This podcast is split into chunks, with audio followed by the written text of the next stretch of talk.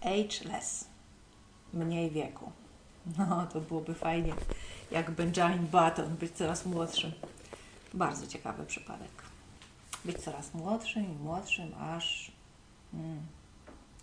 Tak serio, książka Ageless Sharata Joyce'a, czyli Tajemnice joginów, jak żyć długo i zdrowo. Sharata Joyce'a znają wszyscy, którzy praktykują asztangę. To wnuk Padabiego, wielkiego mistrza z Mysore. Co roku przyjeżdżają do Sharata jogini z całego świata, żeby popraktykować pod jego okiem. Choć nie wiem jak w tym roku. Jak to będzie w tym roku, panie Korona? Szarat pisze trochę o swoim życiu, o dziadku, babci, o tym jak wkraczał w świat jogi. W dzieciństwie był bardzo chorowity. Jest przekonany, że wyzdrowienie zawdzięcza jodze.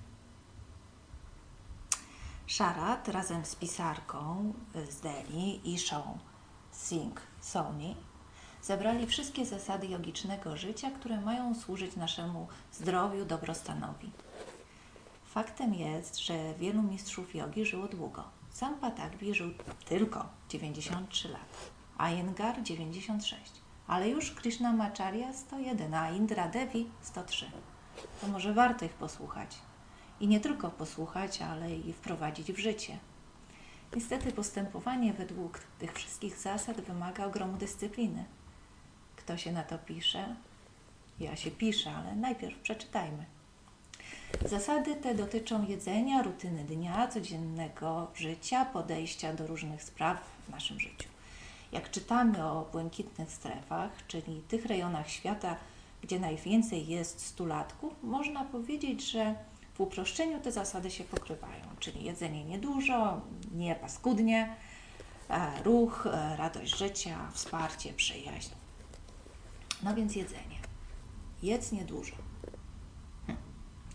Jedz prosto, czyli tradycyjnie, lokalnie, sezonowo i z niewielką ilością składników. Szkoda będzie tego awokado. Jedz rękami. W naszej tradycji to nie jest przyjęte i te wszystkie biedne dzieci, które dostają po łapach zagrzebanie w talerzu, mogą mieć poczucie krzywdy. W Indiach powszechnie się je rękami.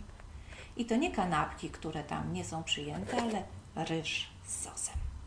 Widziałam też w Kerali, że ludzie nalewają sobie mleko na rękę i tak piją. Potrawa, z którą ręka miała kontakt, nabiera życia, energii. Jak byłam ostatnio w Indiach, nie dostałam sztućców, jadłam rękami, to trwało dwa tygodnie. Po dwóch tygodniach wzięłam do ręki łyżkę, zaczęłam jeść i jedzenie było jakieś takie nieprawdziwe, płaskie.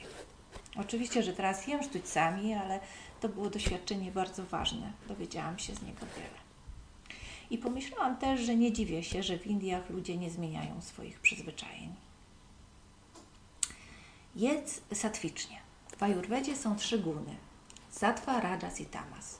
Jedzenie tamasowe jest obciążające, osłabiające. To są na przykład potrawy tłuste, nieświeże. Jedzenie rajasowe jest pobudzające, ale też i podrażniające. To są na przykład potrawy ostre. Jedzenie satwiczne przynosi spokój, łagodność. To są potrawy świeże i lekkie. Więc co jeść? To, co rośnie nad ziemią. Wychodzi, że marchewka nie jest satwiczna. Chodzi o to, żeby w pokarmie była zawarta energia słońca. Dalej, ryż, mleko. Krishnamacharya i Patabi Joyce pili po dwie szklanki dziennie. Ghee Patabi mówił, że masło klarowane rozbudza inteligencję. No. Kiszonki. Kiszonki wspierają trawienie, to wszyscy wiemy. Kokos. W kuchni indyjskiej nierzadko pod stołem znajdziesz stos kokosów. Jaggery. Jaggery to nierafinowany cukier palmowy. W Ajurwedzie nie unika się smaku słodkiego, a pierwsza potrawa, jaką zjadł Buddha po sześciu latach medytacji, był pajasam deser z mleka i czakery. Czego nie jeść? Cebuli i czosnku. Sytuacja jest taka, że kiedy Wisznu odrąbał głowę demonowi Rachu, z jego krwią wypłynął czosnek. No kto by to jadł? No i mięsa. Jogini unikają mięsa, bo jedzenie mięsa jest sprzeczne z zasadą ahimsy, czyli niekrzywdzenia. Dalej, styl życia.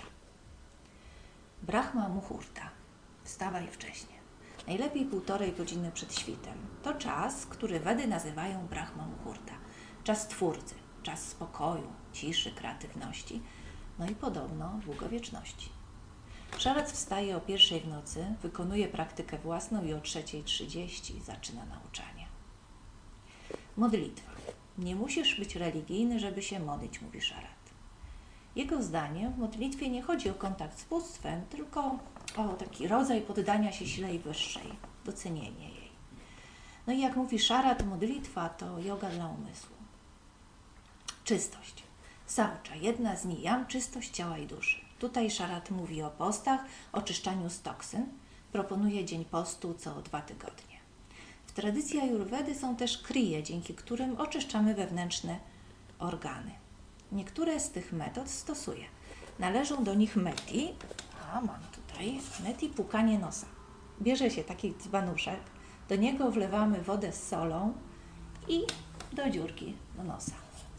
A kapalbati to jest technika oddechowa polegająca na spinaniu brzucha w czasie wydechu. Oczyszczaniu służą również asany, kiedy w czasie praktyki pocimy się, usuwamy z ciała toksyny. Kąpiele olejowe, a także masaże olejowe głowy, stóp i całego ciała. Dalej, oddech i medytacja. W Indiach mówi się, że im dłuższy oddech, tym dłuższe życie. Każdy z nas bowiem rodzi się z zaplanowaną liczbą oddechów. A więc, jeśli wydłużamy oddech, przedłużamy życie.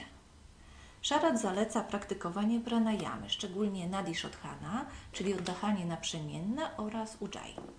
No i oczywiście medytacja, uspokojenie, wyjścia z kołowrotka zdarzeń, skupienie się na swoim wnętrzu. Dalej śpij dobrze, e, zadbaj o to, żeby spać w ciemności, nie za dużo i nie za mało. Chodź boso. Chodzenie z boso to połączenie z ziemią, bliskość z naturą. Poza tym jest przyjemne. Ja chodzę boso, kiedy tylko się da. Detoks internetowy. Raz w tygodniu odsuń media społecznościowe, nie używaj internetu. Hmm. No i karma yoga. Karma znaczy działanie. Pod pojęciem karma yoga znajdują się działania na rzecz innych bez oczekiwania zapłaty czy wdzięczności. Pomaganie innym służy nie tylko tym, którym pomagamy, ale i nam. Podaje nam spokój, lekkość, poczucie sensu życia. No i asany. Doszliśmy do asan. Asany mają wpływ nie tylko na nasze mięśnie, ale i na organy wewnętrzne, na przepływ energii w naszym ciele. Po prostu uzdrawiają. Dla długości życia ma znaczenie nie tylko fizyczność czy odpowiednie jedzenie i ćwiczenia, ale też emocjonalność, życie duchowe. Te wszystkie elementy, o których mówi Sharad Joyce, mają wpływ na naszą codzienność. Po prostu czujemy się lepiej teraz. A jak teraz, to i później. Więcej o tej książce i innych książkach na temat jogi e, na blogu Yoga na stronie. Zapraszam.